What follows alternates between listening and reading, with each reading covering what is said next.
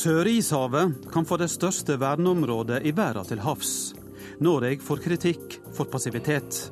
So far, it seems to me Norway is sitting more or less on the sidelines. They're not really fully engaged, and they uh, need to be engaged so that we have a positive outcome. Flere hundre tusen kenyanere risikerer å miste jobbene sine. Den store kattindustrien i landet står i fare for å miste den mest lukrative markedet sin. Russiske organisasjoner som får støtte fra utlandet, blir stempla som utenlandske agenter, men nå skal lova endres.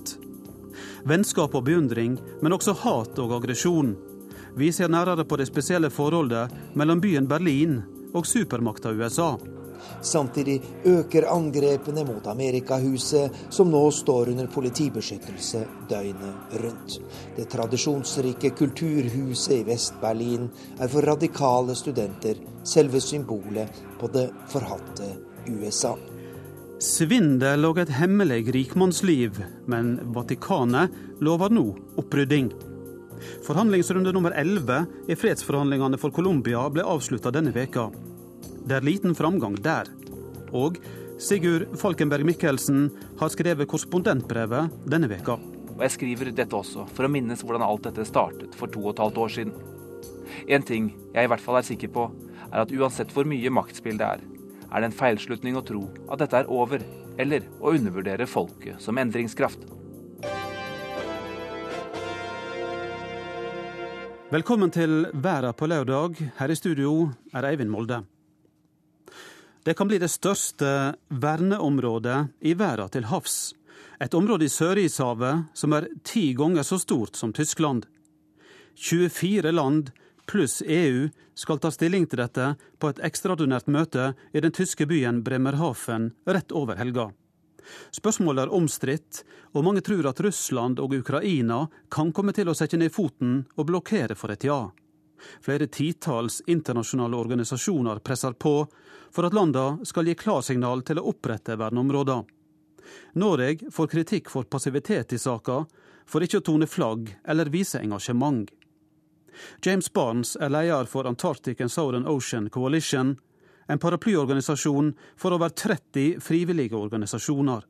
Han er lite imponert over den norske innsatsen i arbeidet med å få etablert nye verneområder.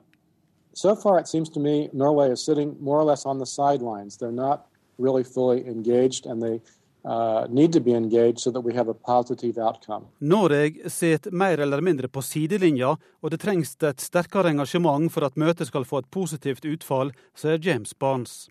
Organisasjonen han leder, er en av mange som har gått sammen i The Antarctic Ocean Alliance. Greenpeace og WWF er to andre.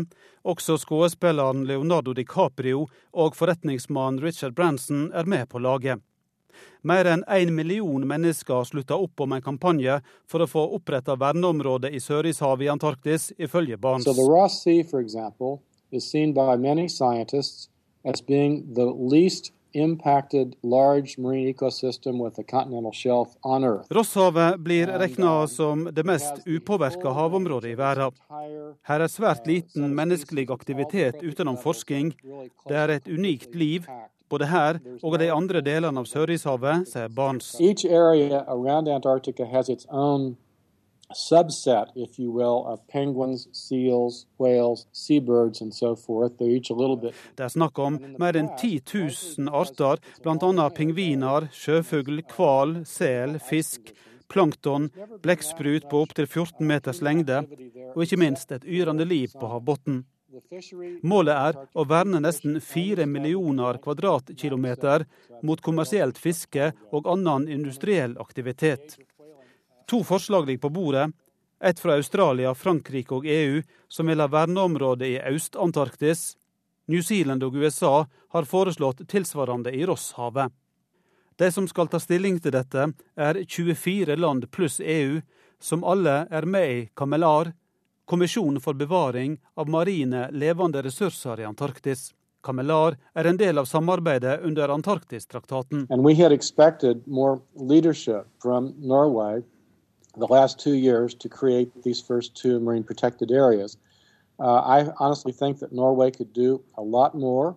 Vi hadde forventa langt sterkere lederskap fra Norge i arbeidet med å få etablert disse to verneområdene, sier James Barnes. Uh, countries with more problems, including Russia and Ukraine and China, for example, Uh, Til dømes kunne Norge vært med på å påvirke Russland, uh, Ukraina, Kina og andre land som er skeptiske til forslagene, sier han. Uh.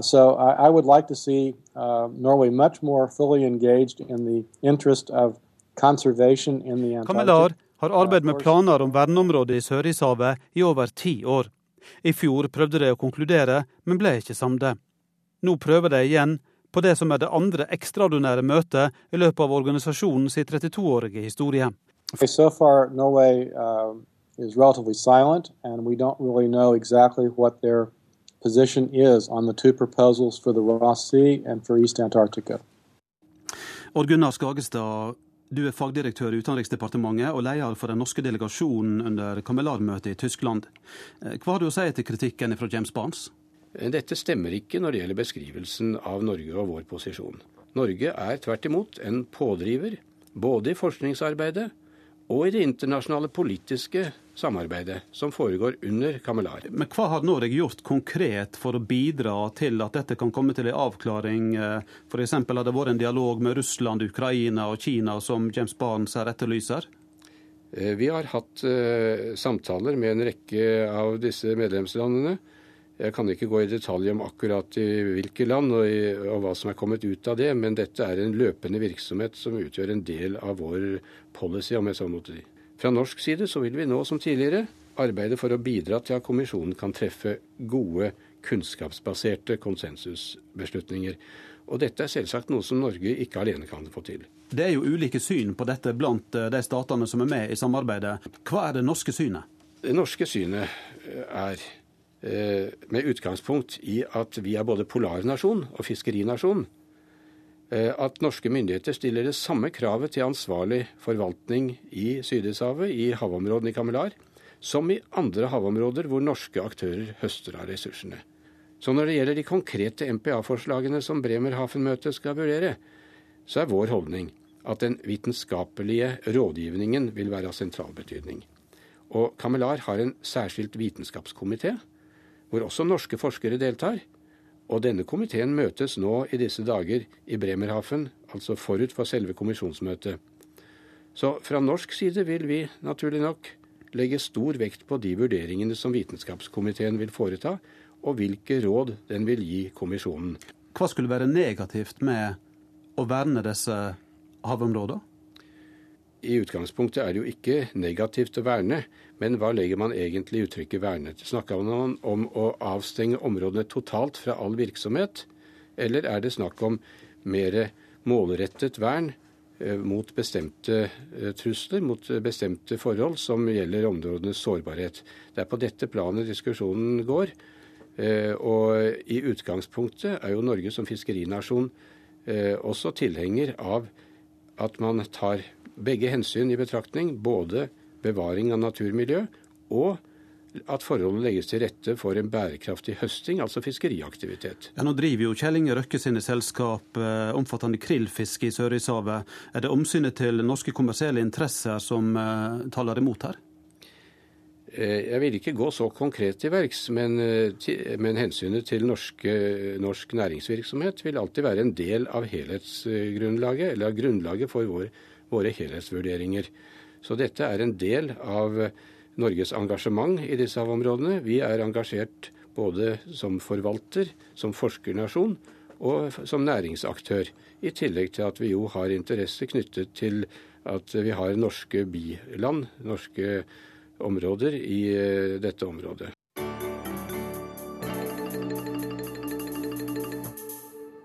For et halvt år siden forbød Nederland som et av de siste landene i Europa, innførsel av katt.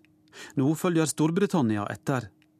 Uten flyfrakt til Amsterdam og London står dermed den store kattindustrien i Kenya i fare for å misse den mest lukrative markedet sin. Flere hundre tusen kenyanere risikerer å miste jobbene sine, rapporterer Afrikakorrespondent Lars Sigurd Sunnanå. Just uh, like like we take a, a soda a cup of tea. It is not a drug as uh, people fear. Det er avslappende, akkurat som tyggegummi, mineralvann, en kopp te.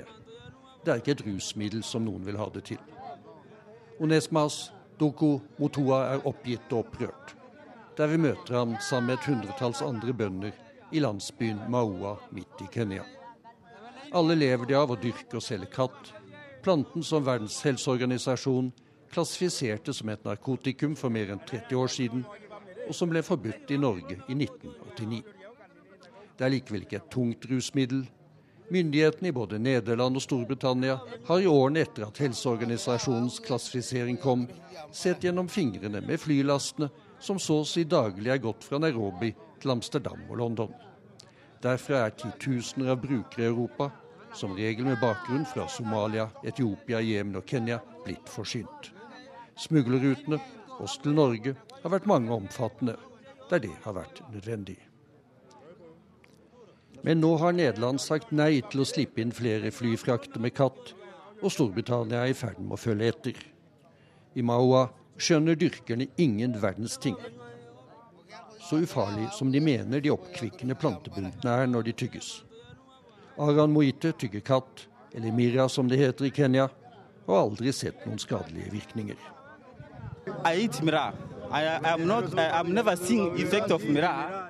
Katt vokser på trær.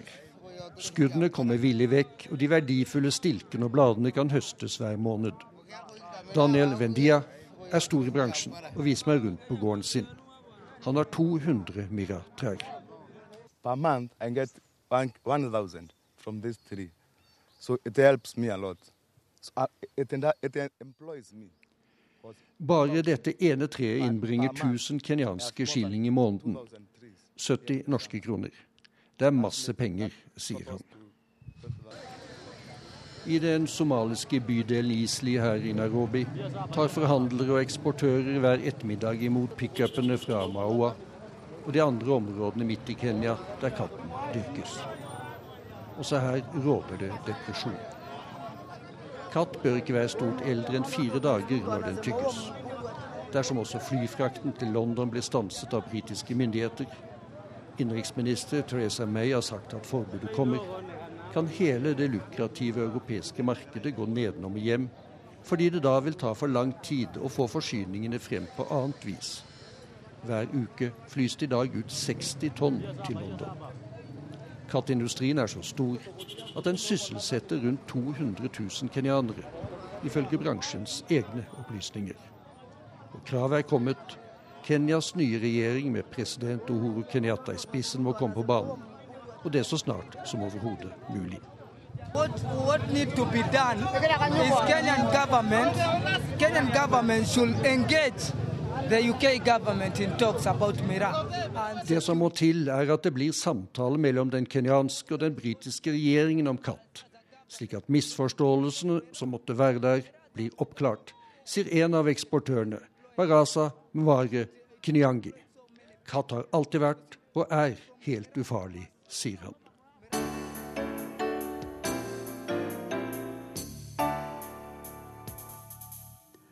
Nå til Russland, som har bestemt seg for å endre den omstridte lova som gjør at organisasjoner som får støtte fra utlandet, blir stempla som utenlandske agenter. Denne veka rapporterte riksadvokaten i Russland til presidenten om omfanget av slik hjelp fra utlandet. Og Moskva-korrespondent Hans-Wilhelm Steinfeld, hvor stort er egentlig omfanget av slik støtte? Ifølge Russlands riksadvokat Jurij Tsjajko så sa han til president Putin denne uken at det dreier seg om over 30 milliarder rubler bare fra november i fjor til april i år. Det er 6 milliarder norske kroner. Så hjelpen fra vest til disse NGO-ene, altså ikke-statlige frivillige organisasjoner, er meget stort. Hva reagerte riksadvokaten særskilt negativt på? Han eh, fremhevet overfor president Putin at bare den britiske ambassaden sto for en ganske svær pengesum som ble overført til uroområdene i Nord-Kaukasus. og mente det kunne være motivert av et politisk ønske som ikke nødvendigvis var i Russlands interesse å se fremmet der nede, hvor det jo er borgerkrigstilstander eh, både i Tsjetsjenia, i, eh, i Dagestan og i flere andre uroområder i Nord-Kaukasus. Hvordan reagerte så president Vladimir Putin på denne rapporten? Egentlig litt overraskende, fordi han eh, manet sin riksadvokat til å skille mellom frivillige organisasjoner som sysler med politiske spørsmål, til forskjell fra frivillige organisasjoner som driver med humanitær hjelp, og mest prominent blant dem er naturligvis Frelsesarmeen. Eh, så slik sett var det en litt tilbakeholden tone når det gjelder kritikk mot vestlige organisasjoner fra Putins side. Hva er så egentlig straffa for å bli stempla som såkalla såkalt utenlandsk agent? Det er holdt på det administrative plan gjennom bøter. Og i vår så ble jo f.eks. organisasjonen Golos, som betyr stemme, og som er en vaktbikkje mot valgfusk i Russland, bøtelagt fordi den eh, hadde fått eh, Sakharov-prisen fra Norge, eh, fra den norske Helsingforskomiteen og bøtene oversteg prispengene, som for øvrig denne menneskerettsorganisasjonen, hvis det er riktig å kalle dem for det, aldri hevet. Så bare det at de ble tildelt en pris som det fulgte penger med, var nok til bøtelegging. Også Bellona, så vidt jeg vet, er blitt bøtelagt, eh, den russiske delen av Bellona, fordi den har fått penger overført fra Norge. Du, det å bli stempla som, eh, som utenlandsk agent eh, er vel liksom ikke det helt store heller, med tanke på fortida? Nei, det er jo derfor også Amnesty er veldig på vakt nå. Fordi det er altfor mange både vanlige russere og toppledere som under 30-tallet, 40-tallet, 50-tallet mistet sin frihet og sine liv anklaget for nettopp å være utenlandske agenter. En legendarisk kommunist som norske Peder Furubotn slapp så vidt unna Moskva i 1938, anklaget for å være engelsk agent. En av de aller fremste bolsjevikene, Nikolai Bukharin, blir henrettet i 1938 med samme anklage. Forsvarssjefen Tukhatsjevskij ble henrettet, anklaget for å være tysk agent. Og veldig, veldig mange navnløse mennesker havnet i Sibir med falske anklager. Slik at bakteppet for dette med å være anklaget for å være utenlandsk agent i dette samfunnet, er meget dystert når vi ser historisk på det. Når denne omstridte lova nå altså blir endra, hva slags lov får vi? Ja, For det første blir den endret. Det ble sagt i eh, førstekammeret i den lovgivende forsamling denne uken. Men 21.3 hadde Europarådets eh, generalsekretær Torbjørn Jagland en samtale om dette med Vladimir Putin i Sotsji. Jagland forklarte Putin at i Norge er det for så vidt staten som finansierer frivillige organisasjoner, Kirkens Nødhjelp, hva de nå heter alle sammen, og foreslo at eh, Putin skulle se nærmere på den norske modellen. Og president Putins var at han ikke ser bort ifra at han vil endre denne loven i samme retning. At det opprettes en stiftelse, en fri stiftelse med statlige og private penger, der den russiske stat ikke ikke skal sitte i styret. Og denne stiftelsen skal kunne finansiere frivillige organisasjoner som Amnesty Helsingforskomiteen. Og best av alt er at den som er på tale som leder for denne stiftelsen, er den veldig kjente liberale likestillingspolitiker fra Jeltsin-tiden, Jelena Panfilova, som i dag er direktør for Transparency International. Og hvis dette kommer på plass i form av lovgivning fra høsten, så har Russland løst en av de største diplomatiske knutene kreftene, ikke minst i forhold til de europeiske landene. Ja, og Det er jo mange, mange nordmenn, norske organisasjoner, som har tett kontakt med Russland. Dette vil vel få, få følger for mange? Det er å håpe. Eh, Helsingforskomiteens generalsekretær Bjørn Engesland har vært nektet visum i lang tid hit til Russland. Bellona, som er respektert i det russiske samfunnet, har slitt med veldig mange problemer. Slik at hvis eh, Putin følger opp rådet fra Europarådets generalsekretær, Norges tidligere statsminister Torbjørn Jagland, så er det et eh, sjeldent, men hardt tiltrengt eh, tegn på at det går mot et mer sivilt samfunn her i Russland.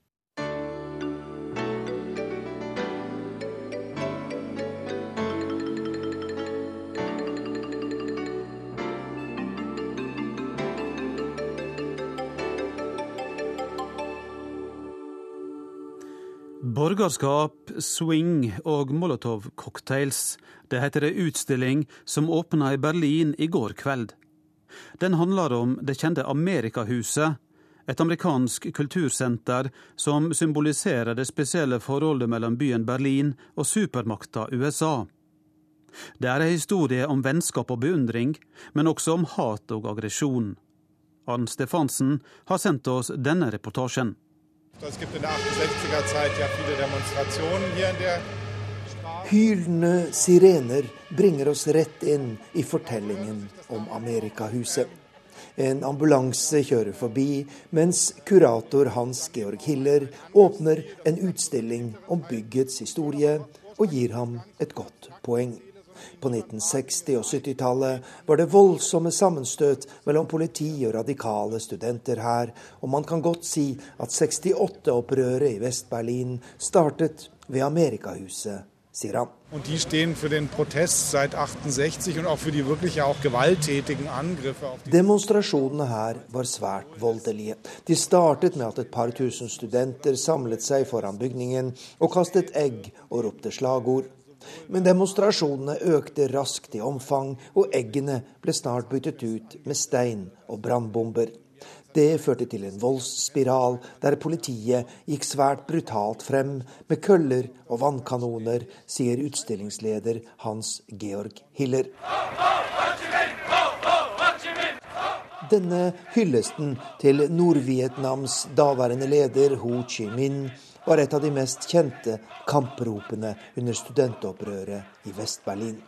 Motstand mot USAs krigføring i Vietnam var sterk, her som i resten av den vestlige verden, og den karismatiske studentlederen Rodi Dutschke overbeviste mange studenter med sine flammende taler. Die wirkliche revolusjonære solidaritet mit der vietnamesischen Revolution Den virkelige støtten til Vietnams revolusjon består i å svekke de imperialistiske landene innenfra. Derfor må vi kjempe mot alle regjeringer som støtter USAs krigføring, også den vesttyske, sier Rudi Dutschke våren 1968. Noen uker senere blir han skutt i hodet av en høyreekstrem ungdom. Dutschke overlever som ved et under, men dør av skadene et tiår senere. Studentene svarer på attentatet med voldsomme masseprotester.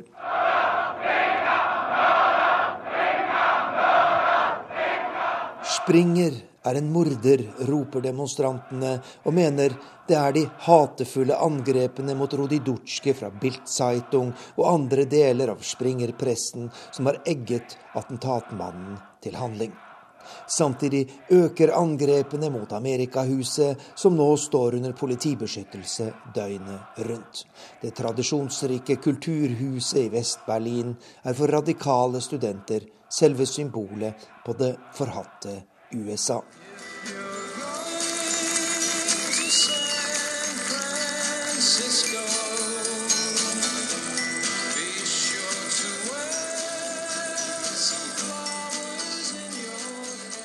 Amerikansk musikk, litteratur og politikk, det var tilbudet i America House i Vest-Berlin, en kulturinstitusjon som preget byens historie helt fra slutten av 1950-tallet.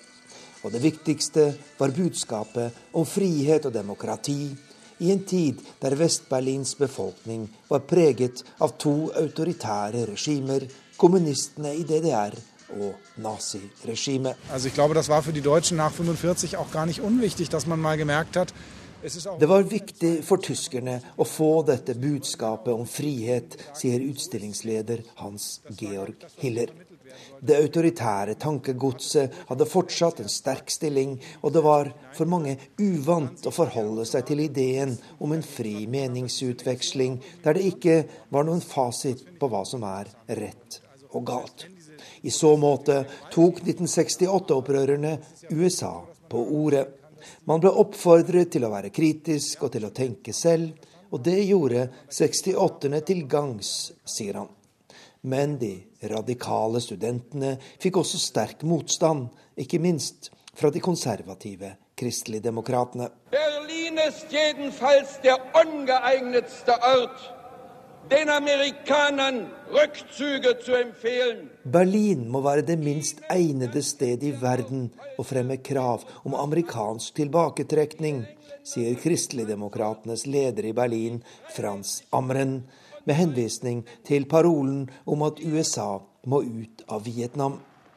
Det er amerikanerne vi har å takke for at vi her i Vest-Berlin fortsatt kan leve i frihet og demokrati, sier CDU-politikeren under en stor motdemonstrasjon mot de radikale studentene på slutten av 1960-tallet.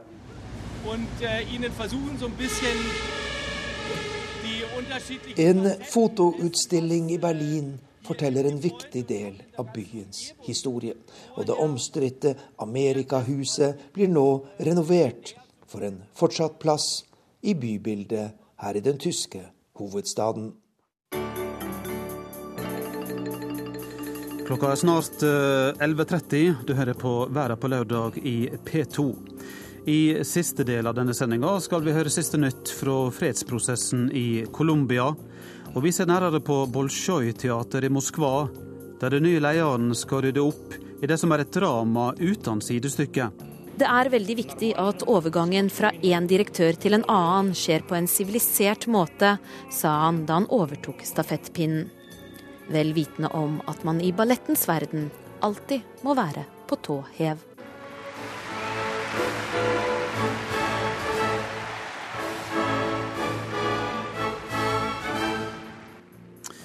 Korrespondentbrevet det er skrevet av eh, Sigurd Falkenberg Mikkelsen i Kairo, kommer som vanlig til slutt i verden på lørdag.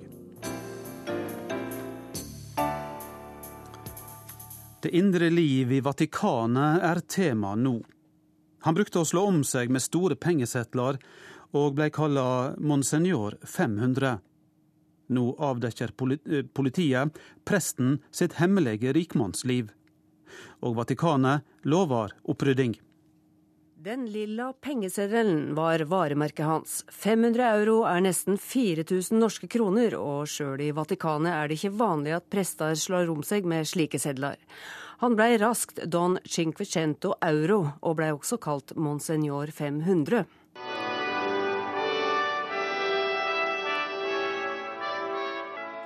årevis fikk han operere uhindra i kirkelige rom. Presten Nuncio Scarano var regnskapssjef og knytta til Vatikanbanken.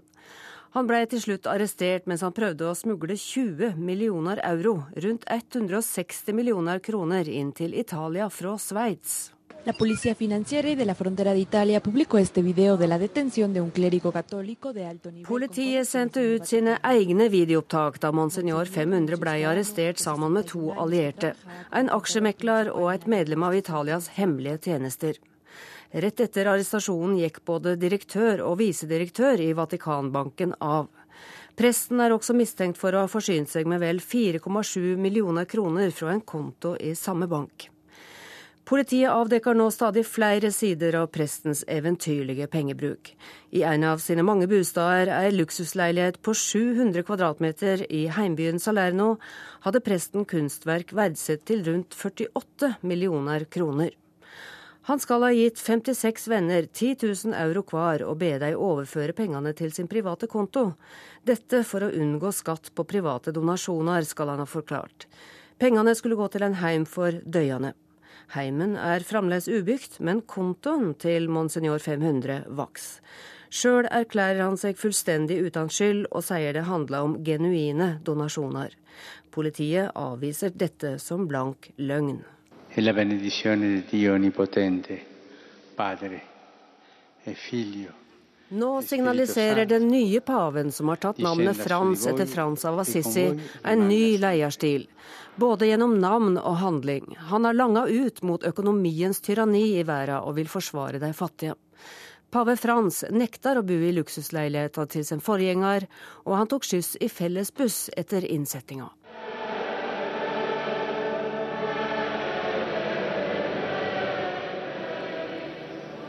Med en appell om å søke det gode kom pave Frans nylig med sitt første pavebrev. Han sier han bygger på arven etter pave Benedikt, men vil sette i gang opprydding. Han har sett ned en granskingskommisjon som skal ta for seg Vatikanbanken. Og det trengs, for den siste bankskandalen i Vatikanet føyer seg til et tiår med utukt og intriger, sexskandaler og utru tjenere. Både Vatikanet og den katolske kyrkja i en rekke land er involverte. Men Vatikanbanken har i mange år vært en skamplett ingen pave har våga å røre. Alt i 1982 ble det klart at det knytta seg både mafia og skandale til denne banken. On the 18th of June 1982, the lifeless body of a middle-aged man was seen hanging from a section of scaffolding. Det var Guds bankmann han var kalla, Roberto Calvi, som ble funnet hengt under ei bru i London. Det hette først at det var sjølmord, men en italiensk domstol slo seinere fast at Guds bankmann ble drepen, trulig av italiensk mafia. Han hadde håndtert store summer fra Vatikanbanken og gjort tvilsomme transaksjoner i Latin-Amerika.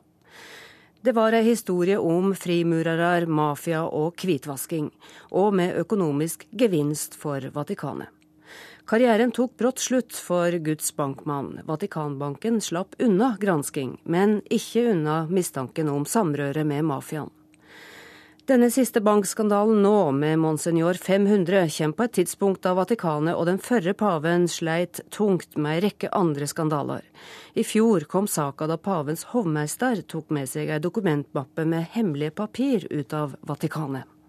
Il maggiordomo del Papa Paolo Gabriele viene arrestato il 25 maggio con l'accusa di essere lui il Corvo, l'uomo che ha passato Hovmesteren Paolo Gabriele ga papira videre til en journalist som publiserte papira og mer til under tittelen Hans heilagdom. Det ble en bestselger som avdekka rå maktkamp, korrupsjon og erotiske eventyr i Vatikanets innste sirkler. Vatikanet oppretta et eget tribunal for å granske påstandene. Hovmeisteren sa at motivet hans var å få kyrkja og Vatikanet på rett spor igjen. For de siste ti åra har skandalene stått i kø. Det har blitt rulla opp pedofilisaker i USA, Australia, Tyskland, Nederland og Irland. Palm Sunday Mass at the Holy Cross Cathedral in Boston. It's normally a refuge for Catholics. It's now a firestorm amid the largest sex scandal in church history. I 2002 ble en Boston-kardinal kalla inn på teppet til daværende pave, skylda for å ha prøvd å dekke over ei omfattende sak av seksuelt misbruk av barn og ungdom. For ofra har overgrepa vært katastrofe. To me, he was the church. I mean, uh, as, as, as I was raised. He introduced French kissing and pornography i mange land har ofre opplevd det samme. Kynisk utnytting av en maktposisjon. Og i 2010 kom det fram at mannlige prostituerte, de såkalla Hans Heilagdoms gentlemen, har gjort tjeneste i Vatikanet. Samme året sprakk ei sak om pedofili i Tyskland og på skolen der bror til pave Benedikt, Georg Ratzinger, leia et kjent guttekor. Saka var så omfattende at mange mente det var usannsynlig at Ratzinger-brødrene ikke hadde visst om det.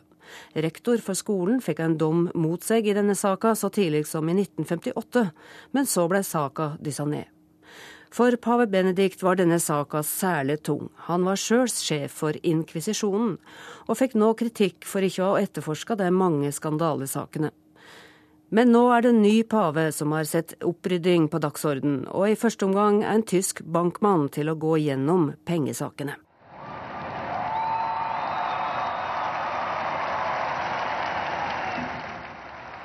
Pave Frans får jubel når han hever pekefingeren og gjør et poeng av at Sankt Peter ikke hadde bankkonto. Sa reporter Sigrun Slappgard. På Cuba prøver FARC-geriljaen og regjeringa i Colombia å få slutt på den snart 50 år lange borgerkrigen. Krigen har drevet millioner på flukt, og minst 100 000 mennesker er drepne. Denne veka ble runde nummer 11 i fredsforhandlingene avslutta, uten at en kom nærere ei løsning på spørsmålet om hvordan geriljaen kan avvæpnes og få ei politisk rolle. Norge og Cuba tilrettelegger forhandlingene, som starta i november i fjor. La verdad es que quisiéramos eh, llegar a un acuerdo pronto, pero sin, sin correr Vi vil ha en avtale snart, men vi trenger ikke stresse for å komme i mål, sier FARC-geriljaens sjefforhandler Ivan Marquez. NRK møtte geriljaens utsendinger i et av Castros gjestehus i forkant av siste forhandlingsrunde. I sju måneder har de forhandlet på Cuba, og foreløpig bare avsluttet ett av seks kapitler. De har foreløpig en avtale om jord- og landbruksreform, men ingenting trer i kraft før alle punktene på dagsordenen er ferdig forhandlet. Kapitlet den venstreorienterte geriljaen og Colombias regjering nå holder på med, om politisk deltakelse, har ikke båret frukter. FARC kunngjorde på en pressekonferanse i Havanna denne uka at de skal fortsette samtalene om en politisk rolle, trolig om halvannen uke. Sør-Amerikas største og eldste gerilja motsetter seg fortsatt tidsfristen ved nyttår som Colombias president har satt for en avtale. Geriljaen mener presidenten heller må flytte på det kommende parlaments- og presidentvalget neste vår, slik at de kan forhandle i fred. Fred må bygges på et solid fundament, som de norske fjell, sier geriljakommandant og sjefforhandler Marcus. Det er krevende spørsmål for partene. Alt fra fordeling av jord til justis og kompensasjon til ofrene.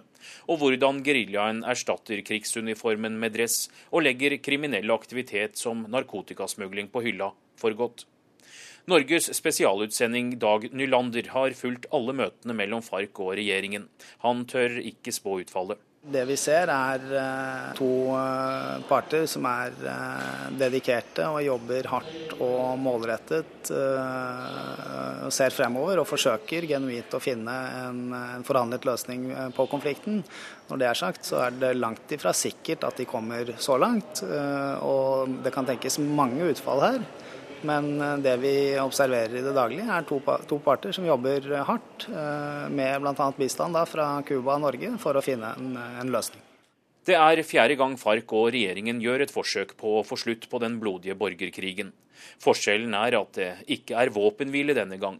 Regjeringen presser på militært, slik at geriljaen ikke skal få bygge seg opp igjen på landsbygda eller i jungelen.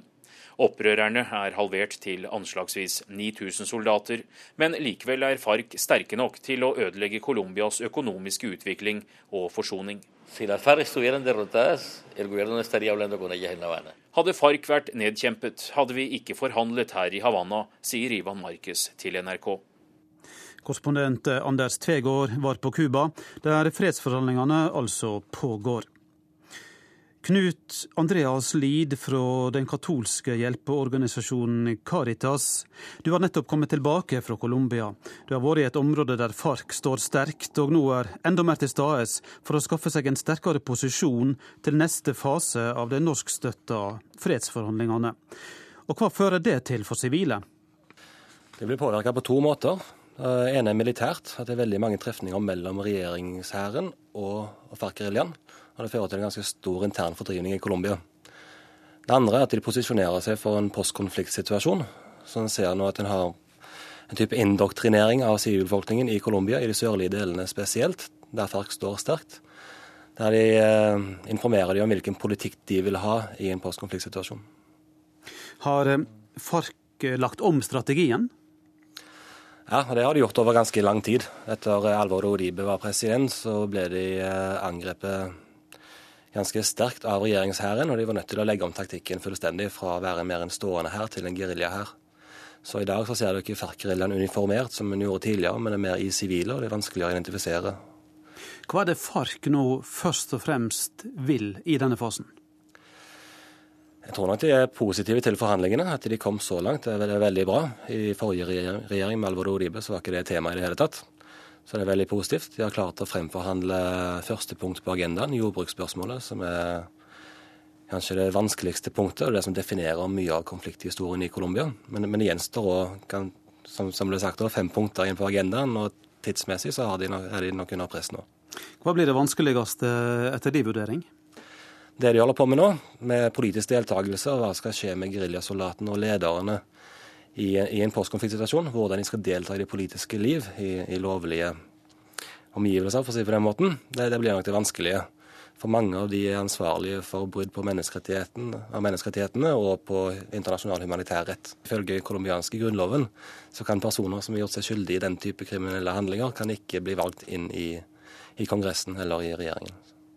Hvor stor støtte har FARC i folket nå til den strategien og til den framgangsmåten de går etter? Den populære støtten til FARC er ganske minimal. Og det har vært eh, Etter fredsforhandlingene i 1998-2002 så har de mista mye av den legitimiteten de hadde tidligere. Men det ser ut til at nå, mens de har kommet inn på et positivt spor, så får de mer og mer støtte igjen. Samtidig så er det veldig mange som er avhengig av FARC og de aktivitetene de, si, de beskytter eller, eller, støtter. Så det er ganske mange hundre tusen personer i Colombia som er direkte eller indirekte avhengige av FARC. I hvor stor grad opplevde du optimisme eller pessimisme Eh, blant de du snakker med? Det kommer litt an på nivå og hvem vi snakker med. Det er mange som er si, ledere for organisasjoner i Colombia er ganske positive til hva som skjer. Men vi ser samtidig at på, på, grunnplanet så er det veldig lite informasjon om hva, hva, som har blitt avtalt i Havanna, og hva som blir implikasjonene for, for lokalbefolkningen. Så der er det veldig stor usikkerhet, og det er ikke så mye optimisme.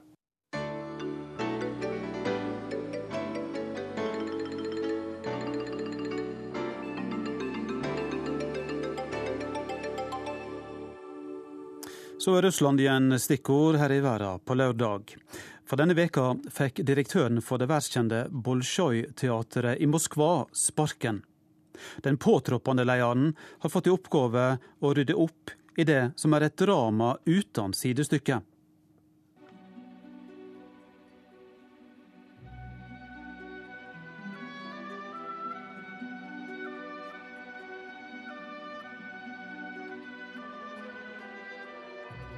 Det kunne vært en fortelling, en ballettforestilling verdig. Dramaet som det siste året har utspilt seg i kulissene på det velrenommerte Balsjoj-teatret i Moskva, har vist for en hel verden at ballett på toppnivå langt fra er noen dans på roser. Jeg хочу высказать слова благодарности моим друзьям, коллегам, которые etter 13 år som sjef var det en alvorstynget Anatolij Iksanov som ble tvunget til å takke for seg som leder av det verdenskjente teatret. Russlands kulturminister Vladimir Medinsky understreket at de med avsettelsen ønsket en fornyelse av kulturinstitusjonen. Наши действия не являются обновлением и реформированием с сохранением традиции, опыта, с необходимой поэтапностью и постепенностью. Bolshoi-teatret. En av verdens mest prestisjetunge arbeidsplasser for ballettdansere siden 1825. Men en slik prestasjonsbetinget arbeidsplass skaper naturlig nok også konflikter i verdensklasse. Én danser er bitter over at kjæresten hans, som er ballerina, ikke får de rollene han syns hun fortjener. Han vil ta hevn og leier inn en forbryter, men forbryteren går langt hardere til verks enn det danseren ønsker. Danseren heter Pavel Dmitritsjenka og var solist ved Bolsjoj-balletten. Han hadde utmerket seg spesielt som solist i Ivan den grusomme, og han hadde lysende framtidsutsikter. Men da han i januar i år tok tittelrollen sin inn på livets virkelige scene, gikk det galt. Fryktelig galt. Rundt 9000 kroner betalte Dmitritsjenko for å få en torpedo til å angripe Balsjoj-ballettens kunstneriske leder. Det han sier han ikke hadde regnet med, var at torpedoen skulle bruke syre i angrepet.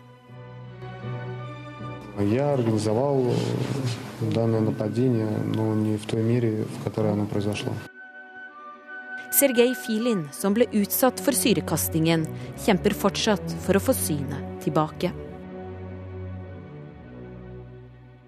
Men dramaet var ikke over der. I neste akt gikk den tidligere danseren Anastasia Valatsjkova ut og hevdet at direktøren for teatret hadde gjort Balsjoj-balletten om til et gigantisk bordell, hvor kvinnelige dansere ble tvunget til å ligge med rike stamkunder. I have many girlfriends who described that they were pushed by uh, administrators of the Bolshoi to join the parties with oligarchs, with everything, with sex, with beds, with everything. Det er nå den tidligere lederen for det legendariske musikkteatret Stanislavskij Djemsjenka som er satt inn for å rydde opp. Vladimir Orin sier han måtte tenke seg nøye om før han sa ja.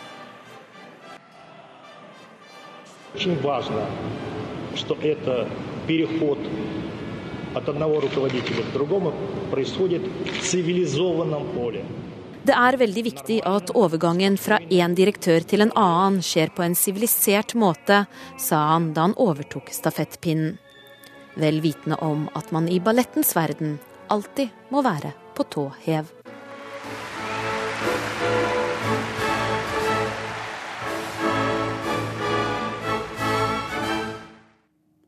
Det var Guri Nordstrøm som hadde laga denne reportasjen.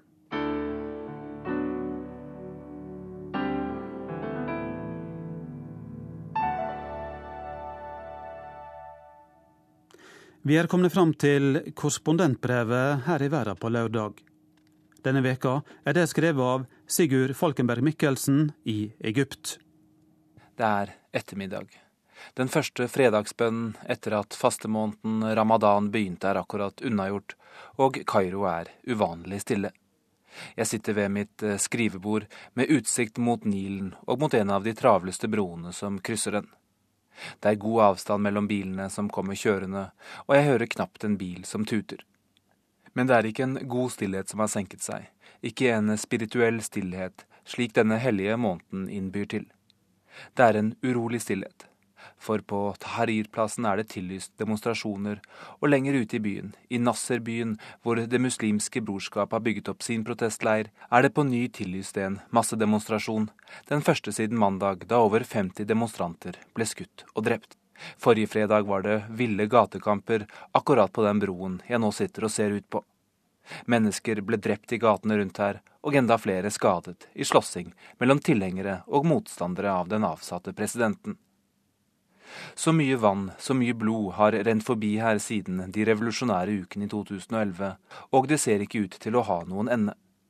Presidenten som ble lovlig valgt etter den første revolusjonen, viste få tendenser til styringsevne eller utstrakt demokratiforståelse. Men de som nå har tatt over makten, er ikke de mange millionene som var ute og demonstrerte, men hæren, og slik det kan se ut nå, deler av det gamle regimet. Ingen klarer å bli enige om akkurat hva som har skjedd, eller hva det skal kalles men jeg tror alle har grunn til å være urolig for fortsettelsen. Er det et reinspikka kupp?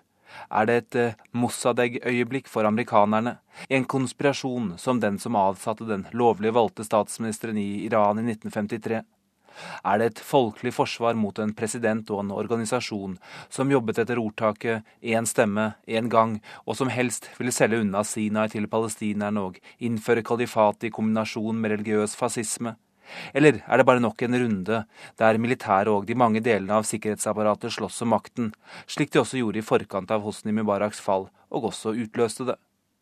Dette er bare noen av variantene som finnes der ute. Spillet er høyt, reglene er uklare, i den grad de finnes. Jeg trenger i hvert fall ikke noen konspirasjonsteorier for å forstå hvorfor så mange mennesker demonstrerte mot Mohammed Morsi den 30. juni, på årsdagens for innsettelse men deretter blir alt mye vanskeligere.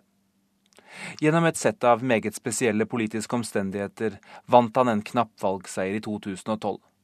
Han sto på Tahrir, brettet opp skjorta for å vise at han ikke hadde en skuddsikker vest på seg, sa han ikke var redd for noe, og at han kun ville svare til folket.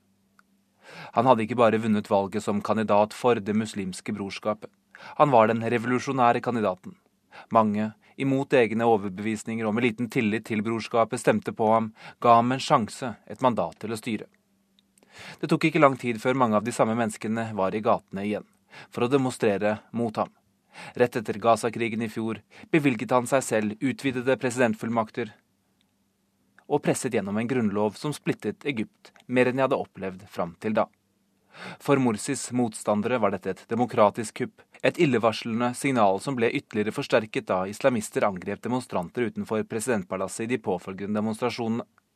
Jeg traff etterpå en mørbanket tidligere diplomat som fortalte at han hadde blitt bundet fast, banket opp og forhørt av brorskapets folk, og det tok nesten et døgn før han ble overlevert til politiet.